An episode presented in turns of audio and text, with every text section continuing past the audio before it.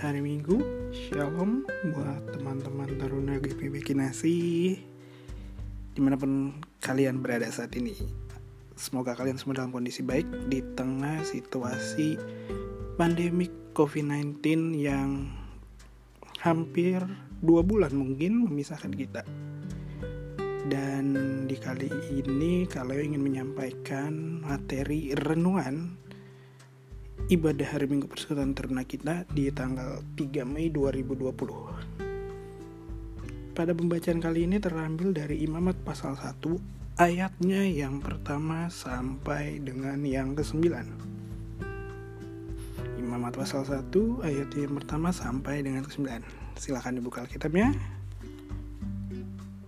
Sebelum baca firman Tuhan, kita berdoa terlebih dahulu. Silakan ditekan tombol pause Kalau sudah, silakan teman-teman baca dari Imamat pasal 1 ayat 1 sampai dengan 9. Boleh di pause dulu.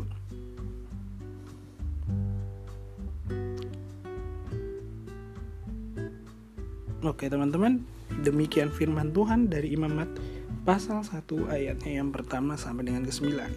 Di bawah judul yang diberi oleh Sinode dari Dewan PT, Aturan dalam memberi persembahan teman-teman tahu dong ya persembahan. Nah, pada imam kali ini sebenarnya sedikit banyak ingin menjelaskan kembali isi aturan yang diberikan oleh Tuhan terhadap Musa.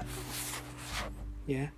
Kitab Imamat adalah kitab ketiga dalam kumpulan kitab Taurat yang menceritakan tentang berbagai macam aturan yang berhubungan dengan kehidupan beribadah umat Israel, khususnya untuk tentang korban persembahan.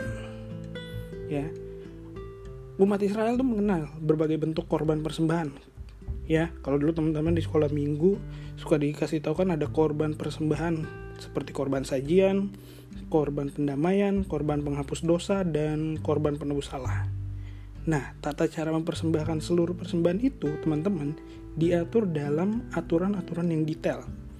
Tujuannya apa? Supaya seluruh umat Israel dari berbagai kondisi ekonomi mampu memberikan korban persembahan. Dan seluruh aturan yang ada berlaku secara umum maupun khusus. Dan itu juga dikenakan pada seluruh umat Israel tanpa terkecuali. Jadi setiap orang Israel wajib memberikan persembahan. Nah, adapun beberapa peraturan yang ditentukan dalam memberikan korban persembahan antara lain aturan tentang bentuk korban dan waktu mempersembahkan korban. Nah, kalau tadi teman-teman baca, bisa teman-teman perhatikan di ayatnya yang pertama. Pada ayat yang pertama kita akan menemukan bahwa kitab ini, imamat, diberikan Allah pada Musa secara lisan, bukan secara tulisan. Seperti ketika Musa menerima 10 hukum Taurat, 10 perintah yang ditulis di atas dua loh batu. Kemudian di ayat yang kedua dan ketiga, di sini dijelaskan mengenai aturan-aturan memberikan korban persembahan yang berlaku secara umum. Ya, ada dua hal, tiga bahkan. Yang pertama mengatur tentang korban persembahan apa yang harus mereka bawa kepada Tuhan. Sekalipun ada banyak bentuk korban persembahan, baik yang berasal dari binatang maupun tanaman. Berikutnya mengatur bahwa persembahan yang berkenan di hati Tuhan adalah persembahan yang berasal dari ternak berupa lembu, sapi, atau kambing. Dan juga domba berkelamin jantan tentunya yang dipelihara oleh umat, bukan ternak liar atau sewaan. Ya, yang tiga tuh mengatur bahwa kualitas dari korban yang dipersembahkan haruslah kualitas yang terbaik. Nggak boleh yang sakit atau kakinya patah ataupun yang mengalami berbagai bentuk kecacatan lainnya harus utuh bagus pokoknya yang terbaik untuk Tuhan. Nah hal ini menunjukkan bahwa Tuhan menginginkan korban persembahan yang terbaik dari manusia, khususnya umatnya bangsa Israel dalam pembacaan kita pada pagi hari ini. Sedangkan pada ayat berikutnya, ayat 4-9 hanya berisikan mengenai penjelasan yang dijelaskan berulang kali. Di antara lainnya, orang yang mempersembahkan korban persembahan harus meletakkan tangannya di atas kepala korban persembahannya Tujuannya ini dilakukan sebagai bentuk pendamaian atas dirinya. Dan di ayat yang ke-9 merupakan ayat penutup yang menekankan bahwa seluruh persembahan harus diolah sesuai dengan aturan masing-masing agar baunya menyenangkan Tuhan. Nah, itu sedikit banyak dari pembacaan kita teman-teman yang mau disampaikan mengenai persembahan. Ya, kalau dari apa yang udah kita baca dari Imamat 1 ayat 1 sampai dengan 9 ini, teman-teman kira-kira bisa menyimpulkan suatu hal nggak? Apa sih yang ingin Tuhan dapatkan dari persembahan yang bisa diberikan oleh manusia terhadap Tuhan? Kalau teman-teman bingung, ya, semua orang tua, muda, kaya, miskin, apa pun itu, harus ikut serta dalam memberikan persembahan kepada Tuhan. Artinya Tuhan gak memandang usia, Tuhan gak memandang status, Tuhan gak memandang faktor ekonominya, mau dia kaya, mau dia miskin, mau dia sederhana, segala macam, enggak. Tapi Tuhan mengharapkan setiap orang, baik itu orang tua, muda, kaya, miskin, sederhana segala macam itu wajib memberikan persembahan kepada Tuhan. Tidak alasan, tidak ada alasan untuk tidak memberikan persembahan. Apakah itu alasan ekonomi maupun alasan yang lainnya. Kenapa demikian? Karena kita memberikan persembahan itu suatu wujud nyata ungkapan syukur kita atas segala kebaikan yang telah Tuhan berikan di dalam kehidupan kita. Segala sesuatu yang terbaik dalam hidup kita yang sudah pernah Tuhan berikan wajib untuk kita ungkapkan syukur. Jadi nggak ada alasan buat kita nggak bersyukur sama Tuhan dan berterima kasih dan memberikan persembahan kepada Tuhan. Semua orang harus memberikan persembahan yang sesuai dengan kemampuannya masing-masing. Kalau zaman dulu Tuhan mintanya korban persembahan itu bisa berupa tanaman ataupun hewan-hewan ternak peliharaan ya. Sekali lagi peliharaan bukan hewan liar yang kalian tangkap atau kalian sewa apalagi kalian colong, bukan. Tapi yang sesuai dengan kemampuan kita yang ada di dalam diri kita. Orang kaya tidak baik mempersembahkan apa yang seharusnya dipersembahkan oleh orang miskin. Artinya dia kaya, dia mampu. Berikan yang terbaik dari kekayaan dia, apa pun itu, yang penting yang paling terbaik itu yang harus diberikan. Ya jangan disamain mentang-mentang dia kaya aku memberikan dengan orang miskin. Toh nilainya sama. Enggak bukan begitu. Dan begitu juga dengan orang miskin. Tidak seharusnya memaksakan diri untuk memberi persembahan seperti yang diberikan oleh orang kaya. Sadar diri aja. Kita mampunya ngasih ini itu yang kita berikan. Yang penting yang terbaik dari yang kita miliki. Kenapa teman-teman? Karena Tuhan menginginkan semua orang memberikan sesuai dengan kemampuannya, proporsional.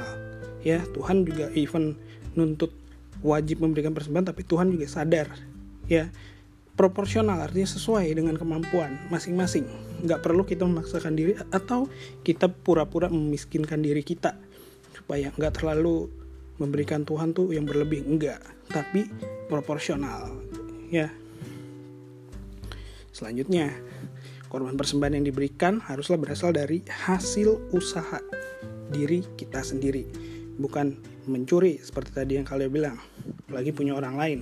Dan yang paling utama, persembahan yang diberikan tidak boleh bercela, entah itu sakit atau mengalami berbagai bentuk kecacatan. Artinya nggak boleh ada cacat-cacat dikit lah, baret, gores apa itu nggak bisa, nggak diterima.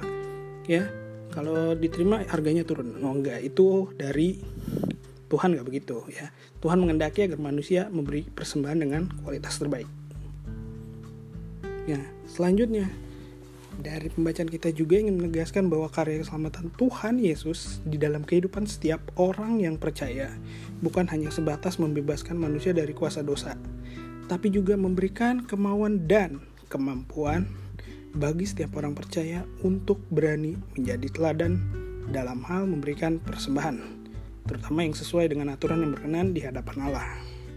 Kemauan dan kemampuan dalam menaati aturan yang telah Allah tetapkan dilakukan sebagai bentuk ungkapan syukur atas anugerah keselamatan dan kebaikan Tuhan yang telah terlebih dahulu Allah nyatakan di dalam hidup kita sebagai orang percaya. Kenapa rasa syukur yang menjadi kunci utamanya?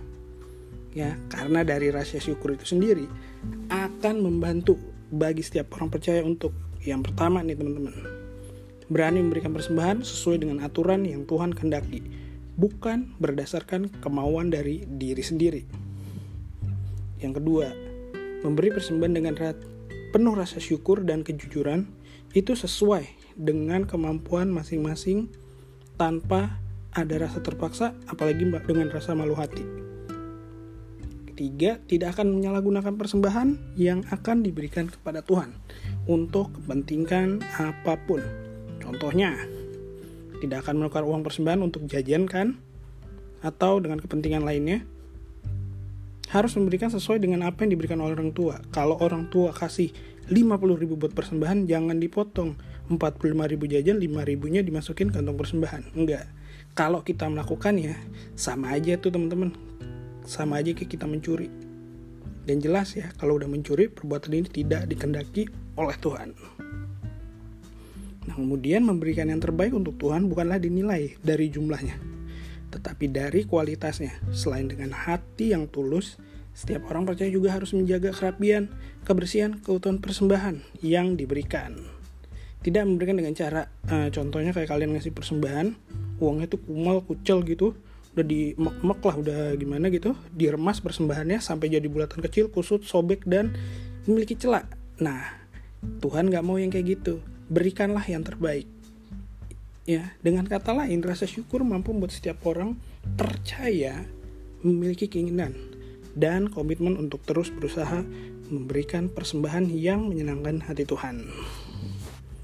Nah, teman-teman, dari apa yang udah kalian sampaikan dan kalian bahas, kira-kira persembahan terbaik apa sih yang bisa kita berikan kepada Tuhan selain segala selain hal yang sifatnya hmm, seperti uang atau materi kayak gitu? Teman-teman tahu nggak persembahan terbaik yang ada di dalam diri kita yang bisa kita berikan kepada Tuhan saat ini?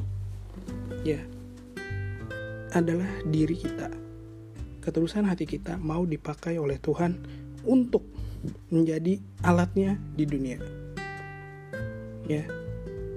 Kita bersaksi untuk menjadi saksi Kristus yang bersedia memberikan teladan bagi sesamanya dalam memberikan persembahan diri kita sesuai dengan cara Tuhan yang telah Tuhan kendaki dan itu merupakan bagian wujud nyata dari sikap taat kita kepada Tuhan.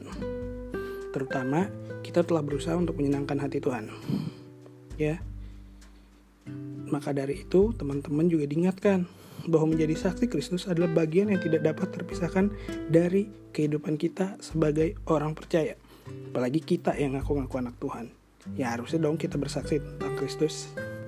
Nah, kita juga ingin teman-teman semua menyadari komitmen teman-teman tuh apa sih yang akan menjadi yang akan menjadi jati diri dari teman-teman semua. Bagi setiap orang percaya dengan sepenuh hati akan berkuasa dan kasih Allah bagi kehidupan kita. Dan semua hidup yang kita berikan ini hanya untuk menyenangkan hati Tuhan. Hasilnya, kita akan memberikan persembahan syukur kita dengan sukacita, tanpa ada paksaan, apalagi malu hati, dan paling penting, itulah kejujuran diri kita sendiri. So, pakailah waktu yang ada saat ini dalam kehidupan teman-teman, gunakanlah itu sebaik-baiknya untuk menjadi persembahan yang hidup dan berkenan di hadapan Tuhan berikan yang terbaik dari apa yang teman-teman miliki. Itu yang Tuhan ingin nih. Kembali lagi, kalau kita sudah memberi diri, memberikan persembahan kepada Tuhan, ketulusan hati yang paling utama. Jangan pernah ada karena paksaan atau dengan mengharapkan iming-iming sesuatu dari Tuhan terhadap diri kita. Nggak boleh. Bukan hal seperti itu yang dikehendaki oleh Tuhan. Tapi Tuhan menginginkan kepada diri kita memberikan persembahan syukur yang tulus, yang tidak bercacat di hadapannya. So, sudah siapkah teman-teman untuk memberikan persembahan yang terbaik bagi Tuhan? Jawabannya ada di dalam hati dan diri teman-teman sendiri. Demikian firman Tuhan untuk hari ini. Selamat hari Minggu. Tuhan Yesus memberkati. Tetap jaga kesehatan, jaga diri sendiri. Stay safe, stay healthy. God bless.